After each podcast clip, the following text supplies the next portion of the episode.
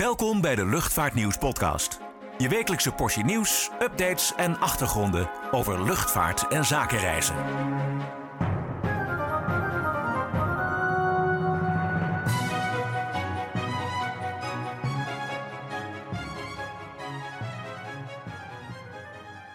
Welkom bij weer een nieuwe aflevering van de Luchtvaartnieuws podcast. Mijn naam is Klaas-Jan van Woerkom en op afstand zit mijn gewaardeerde collega Niek Vernooy. Duurzaamheid voerde deze week de boventoon in het landelijke luchtvaartnieuws, maar er is meer. Zo wil United Airlines onbemand gaan vliegen, kijken we waar de PHBVA blijft en geven we vast een voorproefje op het nieuwe Luchtvaartnieuws magazine dat dit weekend verschijnt. We gaan beginnen. Groen, duurzaam, klimaatneutraal, het zijn de buzzwords die ons deze week om de oren vlogen. In Den Haag stond een internationale conferentie gepland rondom duurzame luchtvaart en dan met name biobrandstof. Het sneeuwde, dus kon alleen de presentatrice van dienst naar de evenementenlocatie komen, maar via beeldbellen waren onder andere ministers uit Nederland, Frankrijk en Duitsland aanwezig, evenals klimaatgoeroe Frans Timmermans en KLM-topman Pieter Elbers. Het hoofdthema: hoe kunnen we zo snel mogelijk efficiënt op duurzame brandstof gaan vliegen? Niek, je hebt voor het komende nummer van Luchtvaartnieuws Magazine gesproken met Tweede Kamerlid Susanne Kreuger, vriendin van de luchtvaart en groot voorstander van groei, maar niet heus. Hoe kijkt zij aan tegen duurzaam vliegen? Ja, zij is sceptisch. Ze vindt de uh, duurzaamheidsdoelen lang niet ver genoeg gaan. En volgens haar moet de sector al in 2050 klimaatneutraal zijn in plaats van 2070, zoals de luchtvaart zelf als doel heeft gesteld. Uh, en Kreuger ziet niet veel in het gebruik uh, van biobrandstof. Er zijn volgens haar lang niet genoeg grondstoffen beschikbaar om voldoende echt duurzame vliegtuigbrandstof te kunnen produceren. En ook vindt ze dat de luchtvaart pas echt kan verduurzamen als er minder wordt gevlogen uiteindelijk. Om te beginnen door op korte afstanden, tot 750 kilometer, het vliegtuig in te wisselen voor de trein. Ja, er is dus vanuit de politiek en ook vanuit milieubewegingen nogal wat kritiek op het groene sausje dat vanuit verschillende hoeken over de luchtvaart wordt gegoten. Is dat terecht? Nou, ik vind van niet. De sector is hard bezig met verduurzaming.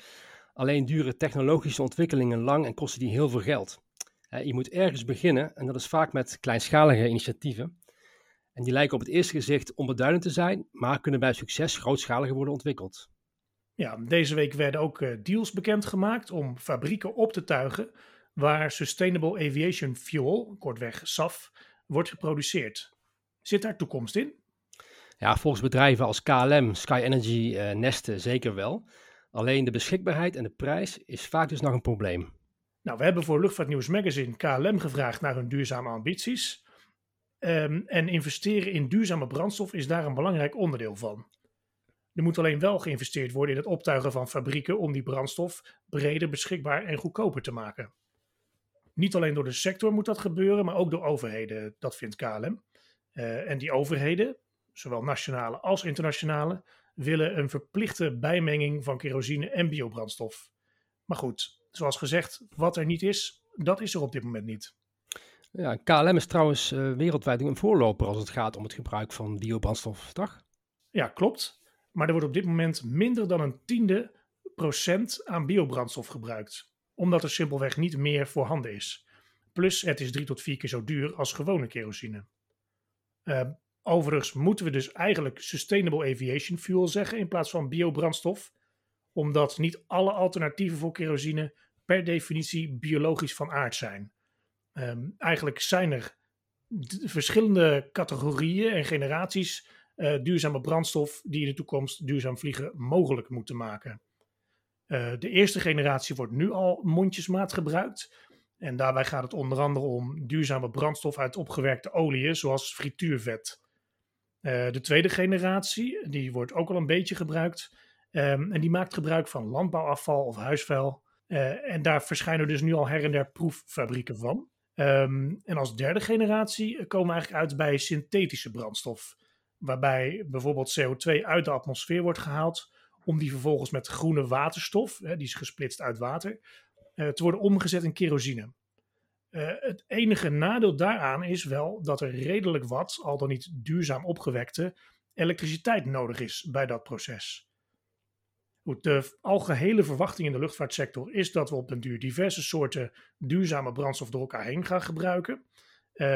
maar goed, dat, het is toch een ingewikkeld proces. Ehm, KLM heeft eind januari als eerste een vlucht op synthetische kerosine kunnen uitvoeren. Althans, deels, want er was slechts 500 liter van die synthetische kerosine aan boord. En die is ontwikkeld door Shell in opdracht van het ministerie van Infrastructuur en Waterstaat um, in Pernis in Nederland. Uh, dat is een uh, initiatief wat wereldwijd is toegejuicht um, en is ook weliswaar een, ja, een kleine stap, maar het is een begin. Ja, zou elektrisch vliegen niet iets zijn voor KLM? Hè? Want KLM doet heel veel korte vluchten. Um, ja en nee. Uh, de technologie is vooralsnog beperkt tot relatief kleine vliegtuigen. Dus dan heb je het over toestellen met een capaciteit voor circa 19 passagiers. Onder andere uh, de Cessna Caravan is daar een voorbeeld van. Dat is een toestel wat redelijk makkelijk geëlektrificeerd kan worden. Maar goed, op termijn zullen er toestellen komen met elektrische of waterstofaandrijving die 100 tot 150 passagiers kunnen vervoeren. Maar goed, dan zijn we echt wel 15, 20 jaar verder. Um, en dan wordt het volgens KLM wellicht interessant om zo'n toestel te gaan gebruiken.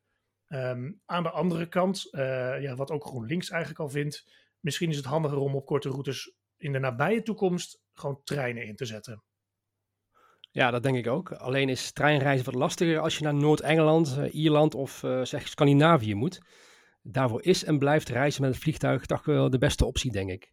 Uh, nu we het toch hebben over duurzaamheid, vijf Europese luchtvaartorganisaties hebben donderdag een initiatief gelanceerd voor een netto nul CO2-uitstoot van de luchtvaart in 2050, genaamd Destination 2050. Nou, daar zal Suzanne Kreuger blij mee zijn. Hoe willen ze dat voor elkaar gaan krijgen? Ja, 37% van de CO2-reductie moet komen uit verbetering van uh, vliegtuigen en motortechnologieën. En dan gaat het vooral om de introductie van uh, vliegtuigen met een waterstof, hybride elektrische of elektrische aandrijving. En het gebruik van duurzame vliegtuigbrandstof, hè, de, de, de SAF zoals we net al besproken hebben, dat moet 34% van de reductie bijdragen. En daarnaast moeten economische maatregelen zoals CORSIA en het Emission Trade System en daarnaast de Single European Sky, of die er ooit komt is de vraag, uh, meehelpen om de CO2-uitstoot terug te dringen. Leuk om te vermelden is trouwens dat het rapport uh, van Destination 2050 is samengesteld en wetenschappelijk onderbouwd door het Nederlandse NLR en uh, SEO Economisch Onderzoek. Goed, tot zover het wekelijkse stukje duurzaamheid. Zoals gezegd, meer daarover in Luchtvaartnieuws Magazine. We blijven nog even in de hoek van toekomstige ontwikkelingen want United Airlines wil vanaf 2024 onbemand gaan vliegen. Althans, tussen de grote stadscentra in de wereld en belangrijke luchthavens. Niek, wat moet ik me daarbij voorstellen? Om te beginnen, de piloten op lijnvluchten van United blijven voorlopig nog gewoon in de cockpit zitten. Maar ze hebben wel aangekondigd te gaan samenwerken met Archer.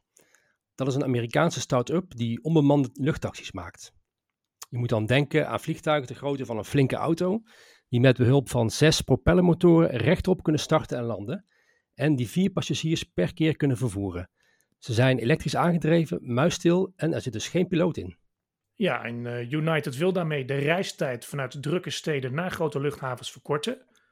Maar mensen zitten dus straks wel zonder piloot in zo'n vliegtuig. Zouden klanten daarvoor in de rij gaan staan? Ja, we hebben er zelf wel eens een onderzoek op losgelaten. En ook op grote congressen komt de vraag wel eens naar, uh, naar, ja, naar voren. En je ziet dat onze lezers op zich wel aan boord zouden durven stappen, maar het enthousiasme is niet heel erg groot. We zijn al een beetje gewend aan zelfrijdende treintjes en metro's. En sommige mensen zien het ook wel zitten in een autonoom rijdende auto. Maar zo hoog in de lucht ben je toch vrij hulpeloos. Ja, wat uh, vind je er zelf van? Ja, tja. Uh, ja, eerst zien dan geloven. Ik sta niet vooraan in de rij, maar als de technologie zich eenmaal uh, bewezen heeft, dan zal ik wel instappen, denk ik. Ja, nou, mij krijgen ze voorlopig ook zo'n toestel niet in. Maar wie weet, denken we daar over 50 jaar heel erg anders over. Uh, overigens is het de bedoeling om de luchttaxis, waar United er uh, misschien wel 200 van wil hebben, eerst te testen met piloten. Om vervolgens te kijken of ze het ook autonoom goed doen. Goed, we gaan even naar een korte reclame en daarna zijn we bij u terug. Onder andere met nieuws over de PHBVA, oftewel de Orange Pride. Blijf luisteren, tot zometeen. Word nu abonnee en ontvang 12 keer per jaar het Luchtvaartnieuws magazine. En onbeperkt toegang tot nieuws en achtergronden op luchtvaartnieuws.nl en zakenreisnieuws.nl. Ga voor meer informatie naar luchtvaartnieuws.nl/slash abonneren. Welkom terug. We zouden eigenlijk vanaf deze plek ook de PHBVA, de befaamde Orange Pride, weer van harte welkom terug uh, willen heten. Maar het toestel is nog steeds niet terug uit China. What is the deal? Ja, we hebben het al eerder behandeld. De PHBVA kreeg op 31 december, oudjaarsdag, boven Rusland motorpech. Week uit naar Peking en staat sindsdien aan de grond. Het bleek dat er een motor moest worden gewisseld, maar doordat er geen technici uit Nederland konden worden ingevlogen, duurde dat langer dan gepland. Uh, daarna stopte KLM tijdelijk haar vluchten richting China, waardoor er juist geen piloten ter plaatse konden komen om de BVA terug naar huis te vliegen. Begin deze week zou het dan eindelijk wel gebeuren, maar er trad opnieuw een mankement op. Daardoor is de terugvlucht opnieuw uitgesteld. Ja, en is er al een uh, nieuwe datum op komst? Volgens de laatste berichten zou de BVA op Valentijnsdag in alle vroegte moeten terugkeren op Schiphol. Maar niets is zo veranderlijk als de luchtvaart. Nee, nou, we staan op de uitkijk en houden u uiteraard op de hoogte. Dit weekend verschijnt de februari-editie van Luchtvaartnieuws Magazine. Enkele onderwerpen hebben we net al even benoemd, maar wat staat er nog meer in, Nick?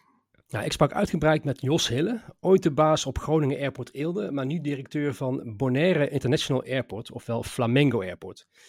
Wat niet iedereen weet is dat dit de vierde luchthaven van Nederland is qua passagiersaantallen. Bonaire is immers uh, sinds ja, elf jaar inmiddels een bijzondere gemeente van Nederland.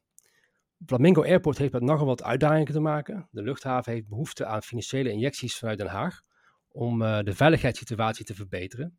Op dit moment voldoet het nog niet aan de ICAO-normen. Het plan is om de terminal uit te breiden en extra platforms aan te leggen, zodat vliegtuigen op gepaste afstand van de baan kunnen parkeren. Want nu is die afstand nog te klein volgens de regels. En de terminaluitbreiding is ook nodig met het oog op de toekomstige groei, want het huidige gebouw is veel te klein. En die groei is natuurlijk vooral nodig voor straks na de coronacrisis, want daar heeft ook Flamingo Airport op dit moment heel veel last van. Nou, verder praten we onder andere met vakbond NVLT, de Nederlandse Vereniging voor Luchtvaarttechnici, over de situatie eh, op de grond en in de hangars. Uh, uh, uiteraard merken zij ook de effecten ehm, van de coronacrisis en de bezuinigingen die plaatsvinden. Maar een extra uitdaging die ze al hadden en nog steeds hebben, is het vinden van gekwalificeerd technisch personeel. Dat tegen een goed loon, want ze verdienen best wel redelijk, uh, belangrijke onderhoudswerkzaamheden aan vliegtuigen komt verrichten. Nou, verder kijken we op Schiphol naar de-icing. Dat is zeker in deze winterse omstandigheden heel erg actueel. En daar komt ook het nodige werk bij kijken. En verder eh, hebben we gesproken met American Express Global Business Travel en met BCD Travel over de huidige zakenmarkt. Nou, verder checken we de beste hotels ter wereld, althans op papier. En speciaal voor minister Wopke Hoekstra tips voor succesvol zaken doen in Frankrijk. Ja, dat kan hij wel gebruiken. Precies.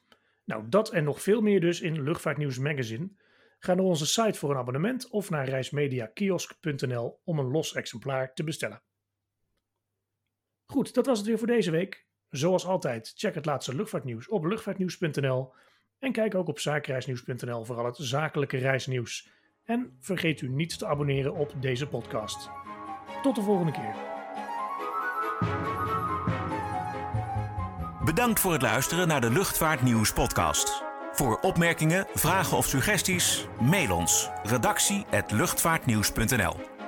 Een fijne dag en graag tot de volgende podcast.